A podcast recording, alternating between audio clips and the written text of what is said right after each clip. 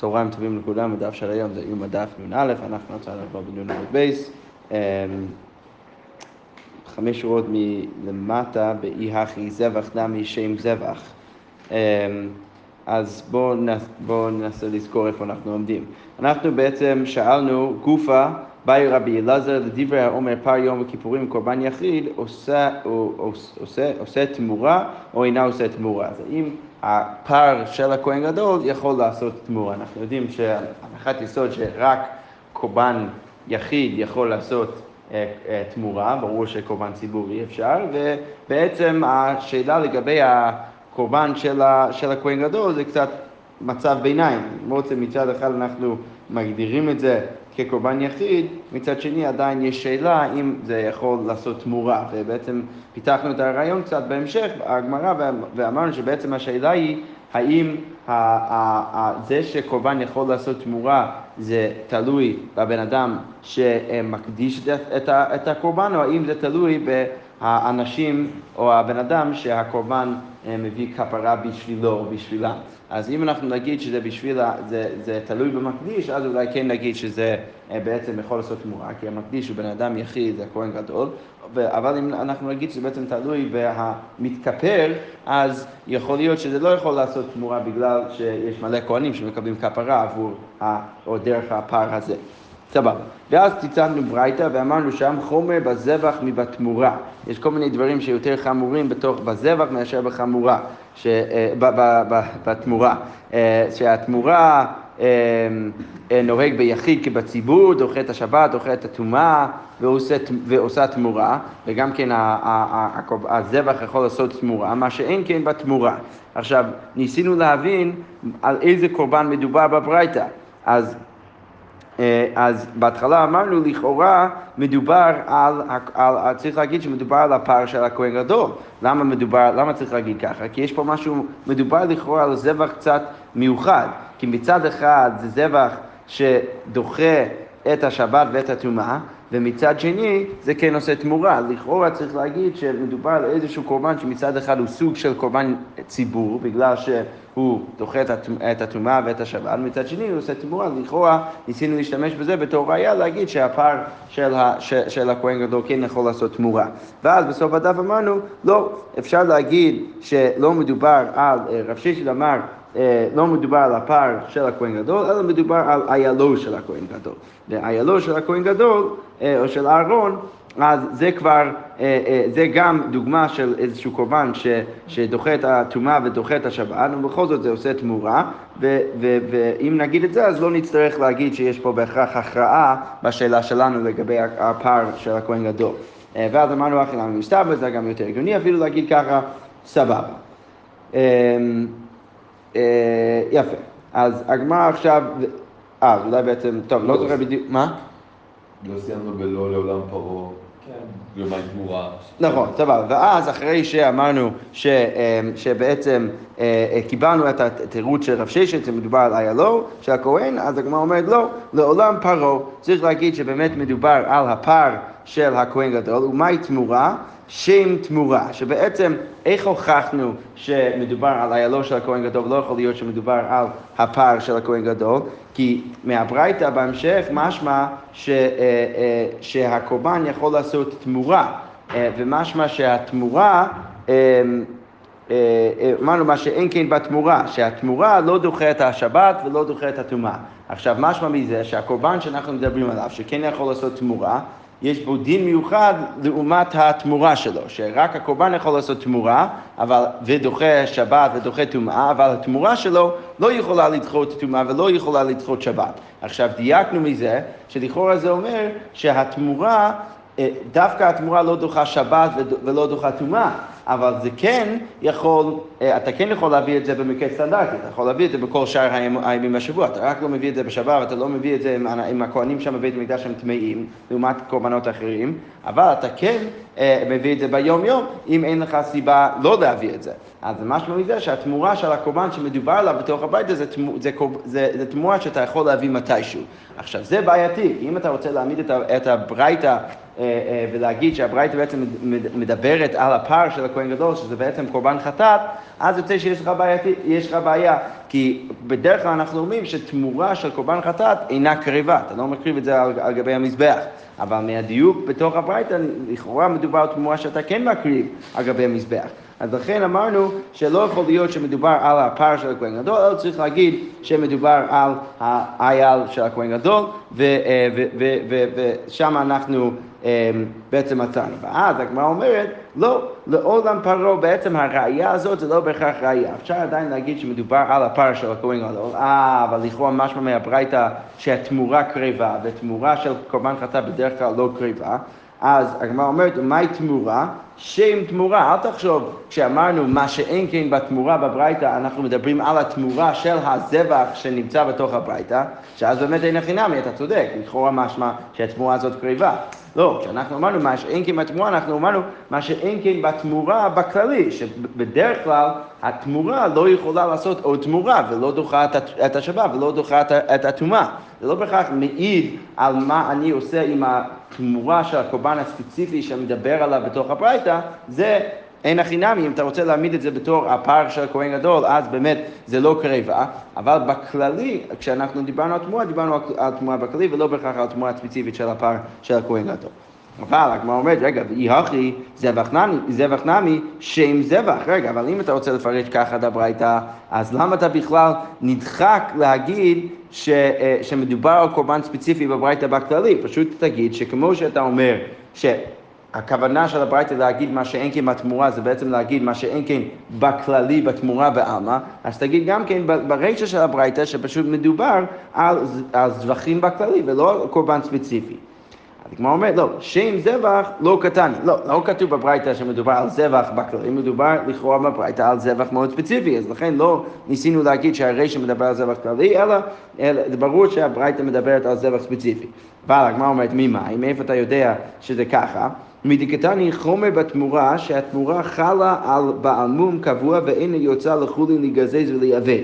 אז כתוב בהמשך שיש חומרה אצל תמורה, שהתמורה אפילו אם אתה מקדיש בהמה שיש עליה בעמום קבוע, אז אה, קדושת הגוף חל על התמורה, ואתה לא יכול סתם לפדות את הבהמה כדי אז להעביד את הבהמה ולגזוז את הבהמה. אוקיי, אז למה זה בעייתי?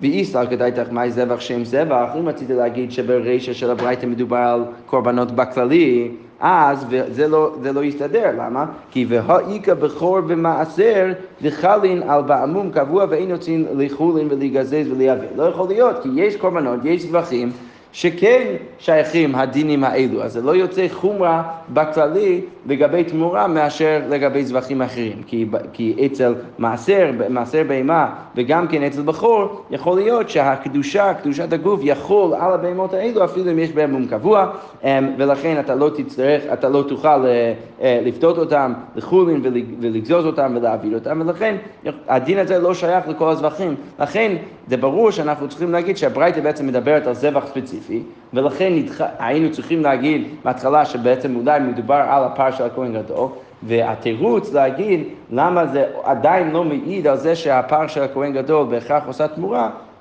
זה בגלל אה, שהתמורה שבהמשך הביתה לא בהכרח התמורה אה, אה, של הקורבן הספציפי שם. אוקיי. אז הגמרא אומרת, אלא...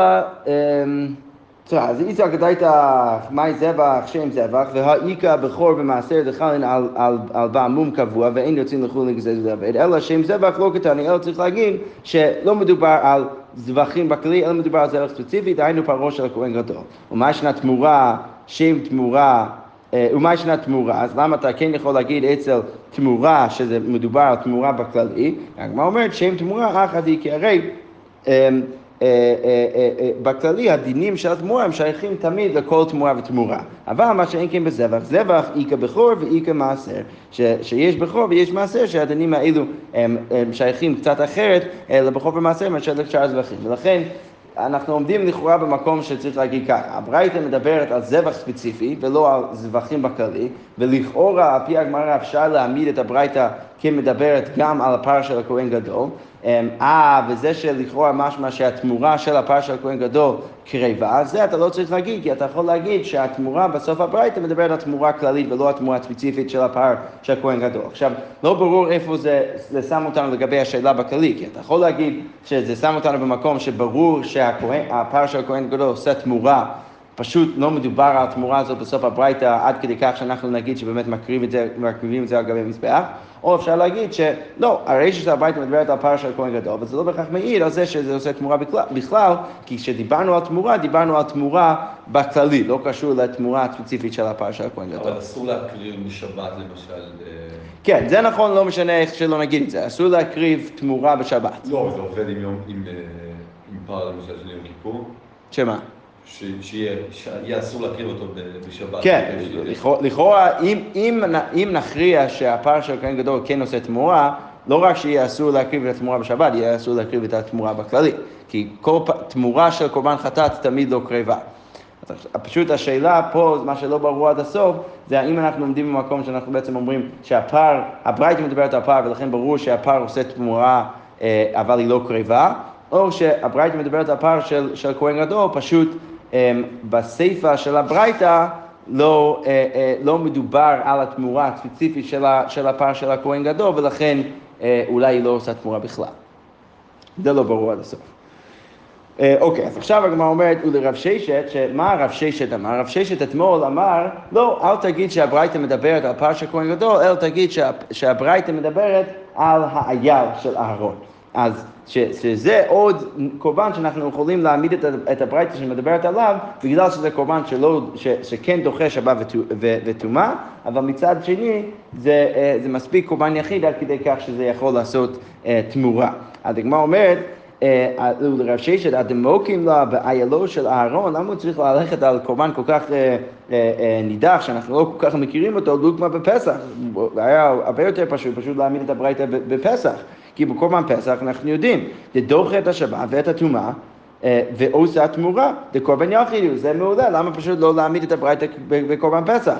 אז הגמרא אומרת, הוא לא מעמיד את זה בקורבן פסח, כי כסבר אין שוחטין הפסח על היחיד, כי הוא סובר, וזו דעה שראינו בפסחים שם, ש, אה, שיש דעה שאי אפשר לשחוט קורבן פסח על בן אדם יחיד, ולכן כבר מלכתחילה קורבן פסח לא נחשב כקורבן יחיד, ולכן אי אפשר להעמיד את הברייתא אה, בקורבן פסח, והוא צריך ללכת עד האייל של, של אהרון הכהן אה, כדי להעמיד את הברייתא. אוקיי, ונוגמי בפסח שני, אולי כן אפשר להעמיד את זה בפסח שני, כי פסח שני אה, אה, כן אה, אפשר להקריב אה, בן אדם יחיד, אבל הגמרא אומרת, לא, גם זה לא, זה, זה לא אופציה, למה? כי מדחי טומאה, האם קורבן פסח שני באמת דוחה את הטומאה, וכתוב בברייתא שמדובר על זבח שדוחה את הטומאה, ואם פסח שני לא דוחה את הטומאה, כפי שנראה עוד שנייה בהמשך, זה בעצם מחלוקת תנאים אם זה ככה, אבל לכאורה הוא לפחות סובר, רב ששת לפחות סובר שפסח שני לא דוחה טומאה, ולכן הוא לא יכול להעמיד את הברייתא בפסח שני, הוא היה צריך להעמיד את זה באיילו של אהרון הכהן. אוקיי, אמר לרב הונא ברד רב יהושע לרבה, ותנא מה ישנה פסח דקרי לקורבן יחיד ומה ישנה חגיגה דקרי לקורבן ציבור. עכשיו רש"י מסביר שהשאלה הזאת בעצם מחזירה אותנו לברייתא שראינו בנון עמוד א', ששם ראינו שיח בין תנא קמא ורבי יעקב ורבי מאיר, שתנא קמא בעצם אומר כלל גורף, כל קורבן ציבור דוחה שבת ודוחה טומאה, וכל קורבן יחיד לא דוחה טומאה ולא דוחה את, ה, אה, אה, אה, את, ה, את השבת. ואז הגיבו גם רבי מאיר וגם אה, רבי יעקב. רבי מאיר אמר, האם זה באמת כלל גורף שקורבן יחיד תמיד דוחה את ה... אה, אה, האם קורבן יחיד תמיד דוחה את ה... לא דוחה שבת ולא דוחה טומאה, הרי זה לא נכון, יש לנו כל מיני דוגמאות של קורבנות, כמו קורבן פסח, שדוחה גם כן שבת וגם כן טומאה, זה לא כלל גורף. וגם כן רבי יעקב אה, רבי יעקב גם הגיב לתנא קמא ואמר, אם זה כלל גורף שקורבן ציבור תמיד דוחה שבת ותמיד דוחה טומאה, הרי זה לא נכון, כי הרי קורבן חגיגה שזה לכאורה קורבן ציבור, בכל זאת אה, אה, אה, לא דוחה שבת ולא דוחה טומאה. אז עכשיו הגמרא אומרת, למה בעצם רבי מאיר ורבי יעקב מתייחסים לקורבן פסח ולקורבן חגיגה באיך שהם מתייחסים אליו? למה הם קוראים לקורבן פסח קורבן יחיד וקורבן חגיגה קורבן ציבור? כי לכאורה זה לא מובן עד הסוף, כי לכאורה זה שניהם קורבנות שצריך להביא אותם כל אחד בעיתו ובזמנו, אז למה קוראים לזה קורבן יחיד ולזה קורבן ציבור? אז הגמרא אומרת, אם משום דעתי בכינופיה, אולי אתה רוצה להגיד שקורבן חגיגה מביאים מלא אנשים בבת אחת, ולכן זה כאילו קורבן ציבור. אבל פסח נמי יעתי בכינופיה, אבל זה גם נכון לגבי פסח, אז אם אתה אומר שבגלל זה אתה קורא לקורבן חגיגה קורבן ציבור, אז תגיד אותו, אותו דבר גם כן לגבי קורבן פסח. אז הגמרא אומרת, לא. הסיבה שקוראים לקורבן פסח קורבן יחיד זה בגלל פסח שני. איכא פסח שני דלא עתי בכינופיה, ולכן זה סוג של קורבן יחיד בגלל שזה לא מגיע בהמוני עם, ולכן, אה, אה, אה, ולכן קוראים לזה קורבן יחיד. סבבה. עכשיו, יש פה שאלה, אם הגמרא לא הייתה ברורה עד עכשיו, יש פה עוד שאלה שלכאורה לא, לא ברורה עד הסוף, אז הגמרא אומרת ככה, אל אמר לי, אם כן, יהי דוחה את השבת ואת הטומאה. לכאורה צריך להבין ככה. שמה אה, אה, אה, רבא אומר לרב הונא ורדי ויהושע, למה אנחנו קוראים לקורבן פסח קורבן יחיד? רק בגלל קורבן פסח שני, שבקורבן פסח שני אין המון אנשים שבעצם מביאים את זה. אבל לכאורה משמע מזה ש...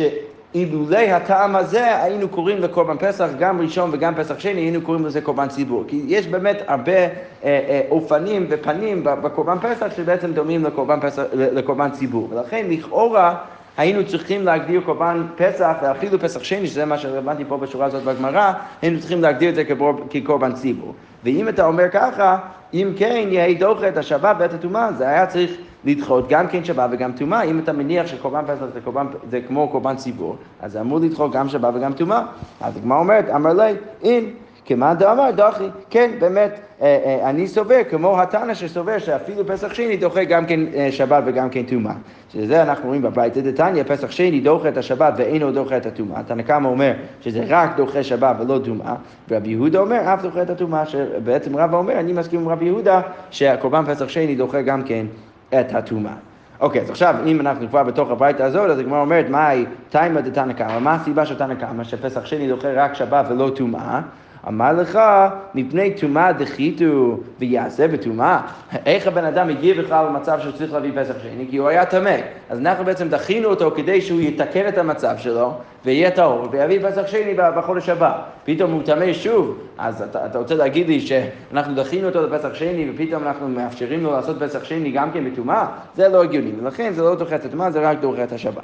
אוקיי, ורבי יהודה, מה הוא יגיד לך? אמר לך, אמר קרא, בכל חוקת הפסח יעשו אותו, ואפילו בטומאה, אמ, ואפילו בטומאה, אה, ואפילו בטומאה.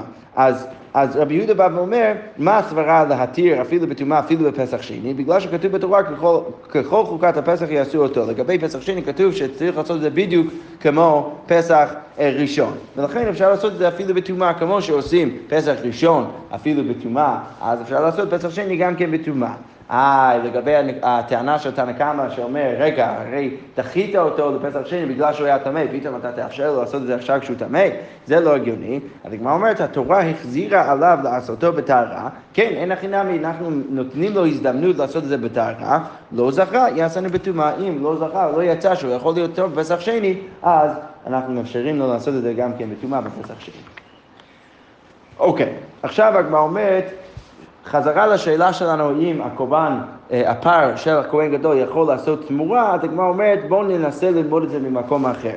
ותפוק לי דאשר לא אמר רחמנה, מי שלא הוא מביא לכאורה, אה, כפי שנראה עוד שנייה בבית, כתוב בתורה שהוא צריך לקחת את הפר החטאת אשר לו, אז משהו מזה שהפר החטאת צריך להיות ממש של הכהן גדול עצמו ורק שלו.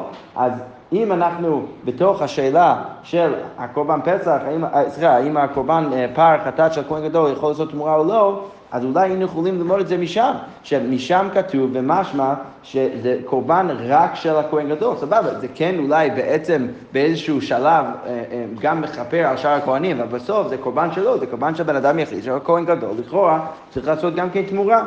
דתניא, כתוב בתורה אשר לא משלו הוא מביא ולא משל ציבור. צריך להביא דווקא את הקורבן שלו ולא קורבן של ציבור. יכול, יכול לא יביא משל ציבור שאין הציבור מתכפרים בו, אבל יביא משל אחיו הכהנים שראי אחיו הכהנים מתכפרים בו. אולי היית חושב שדווקא משל ציבור אתה לא יכול להביא, אבל משל אחיו הכהנים אתה כן יכול להביא בגלל שהקורבן אה, אה, אה, גם מכפר עליהם. תלמוד לומר אשר לא, לא, גם כן כתוב עוד פעם אה, בתורה, פעם, ש... פעם שנית כתוב גם כן אה, אה, אשר לא, ולכן זה ממעט לא רק את הציבור הרחב, אלא גם את הכהנים. אוקיי, יכול לא יביא, ואם הביא כשר, אולי היית חושב שזה דווקא לכתחילה שהוא לא אמור להביא קורבן של מישהו אחר, אבל אם הוא הביא אז בדיעבד זה כשר. תלמוד לומר, פעם שלישית, שוב, אשר לא. כתוב פעם שלישית אשר לא, ולכן אנחנו בעצם לומדים שלא רק שהוא לא יכול להביא את זה לא משאר הציבור ולא מהכהנים, ולא רק שהוא לא יכול לעשות את זה לכתחילה, אלא גם בדיעבד, אם הוא עושה את זה, זה לא כשר. אמ, אה, התורה אומרת, והגמרא אומרת, שנה כתוב עליו לעכב, שזה בעצם אה, הסיבה שהתורה אמרה שלושה פעמים אשר לא, ללמד אותך שזה גם מעכב בדיעבד, אמ, אה, ולכן ולכן אנחנו לומדים שצריך להיות דווקא שלו. עכשיו לענייננו, לכאורה הגמרא מנסה להגיד שברגע שזה באמת רק של הכהן גדול, לכאורה זה צריך להיות כמו קורבן יחיד שיכול לעשות תמורה.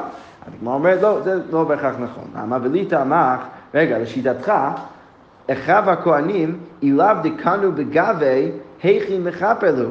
אם אתה לא חושב שאחיו הכהנים איכשהו קשורים לקורבן הזה, אז איך יכול להיות שהם מקבלים בשביל, בשביל אה, או דרכו כפרה? אלא מה צריך להגיד? שאני בגזה דאהרון דאפקירי רחמנה גבי אחיו הכהנים. אז צריך להגיד שאפילו אם אתה אומר שאהרון הכהן או כהן גדול צריך לקנות את הקורבן בעצמו, בכל זאת איכשהו אנחנו צריכים להגיד שזה גם הופך להיות סוג של קורבן של אחיו הכהנים, כי בסוף הם גם כן מקבלים כפרה דרך הקורבן הזה. אז מה אתה צריך להגיד? שבגזה הכסף של, של, של אהרון התורה בעצם מפקיר את הכסף שלו גבי אחיו הכהנים כדי שגם להם יהיה איזשהו חלק בתוך הקורבן. אז למרות שכן, אין החינם, הכהן גדול קונה את זה בכסף שלו, בסוף צריך להגיד איכשהו שהכסף שלו זה לא באמת הכסף שלו, אלא זה גם שייך לשאר הכהנים, ולכן הם גם כן יכולים לקבל על זה כפרה. עכשיו, אם אתה אומר את זה, אז הגמרא אומרת, הכי נמי אחר גבי תמורה נמי, שאני בגזת אהרון דאף קרי רחמונה גם באחיו הכהנים צריך להגיד שבסוף, אם אתה אומר את זה לגבי הכפרה, אז, אז אתה יכול להגיד את זה גם כן לגבי התמורה, ולהגיד שבסוף זה לא באמת הקורבן של אהרון או של הכהן גדול בעצמו, ולכן אין מפה בהכרח ראייה שזה יכול לעשות תמורה. סבבה. אוקיי, עכשיו אנחנו נמשיך למשנה הבאה, המשנה אומר ככה. אה, אנחנו הגענו לשלב שבו יש לכהן גדול בתוך היד הימין שלו את המחתה עם כל הגחלים והכף ביד השמאל עם הקטורת ועכשיו הוא צריך להיכנס לקודש הקודשים ולהקטיר את הקטורת לפני ארון הקודש. אז המשנה אומר ככה, היה מהלך בהיכל, אז הוא הולך להיכל עד שמגיע לבין שתי הפרוכת. המבדילות בין, בין הקודש ובין קודש הקודשים, וביניהן אמה. אז שיטת התנא קמא זה בעצם שהיו שם שני פר, פרוחות אה, שמבדילות בין ההיכל וקודש הקודשים, ויש אמה של רוחב ביניהם, והכהן גדול בעצם צריך ללכת, אנחנו נסביר את זה ביתר, ביתר אה, אה, פירוט בהמשך, אבל הכהן גדול בעצם צריך להגיע לשם וללכת בין הפרוחות האלו עד שהוא מגיע לקודש הקודשים ומקטיר את הקטורת. אז זה שיטת תנא קמא. רבי יוסי אומר, לא הייתה שם אלא פרוכת אחת בלבד, לא באמת היה רק פרוכת אחת, ברגע שהוא עובר את הפרוכת הזה, אז הוא כבר נמצא בתוך קודש הקודשים, שנאמר, והבדילה הפרוכת לכם בין הקודש ובין קודש הקודשים, לכאורה משמע שמדובר רק על פרוכת אחת, ולא על אה, שתי פרוחות. פרוחות? לכאורה, כן? כן. אוקיי. הגמרא אומרת, שפיר כאמר לו רבי יוסי רבנן. רגע, זו טענה מאוד טובה שרבי יוסי אומר לחכמים, הרי כתוב בתורה, והבדילה הפרוכת, לכאורה מדובר פרוכת אחת, מאיפה הגיע כל הרעיון הזה שיש שתי פרוחות? אז הגמרא אומרת, ורבנן אמר לך, הנימי לי במשכן. אה, זה במשכן, אין הכי נמי, במשכן היה רק הייתה רק פרוכת אחת.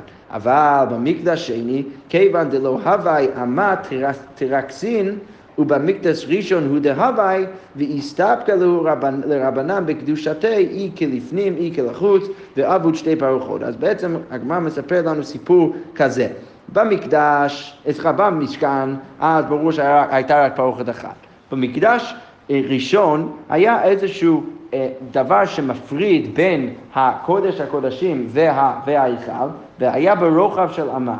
עכשיו, הם לא ידעו האם החלק הזה, כשהם בנו את, בית, את הבית השני, לא ידעו אם החלק הזה שהיה במקדש הראשון הוא נחשב כלפנים, כמו קודש הקודשים, או כבחוץ, כהיכל.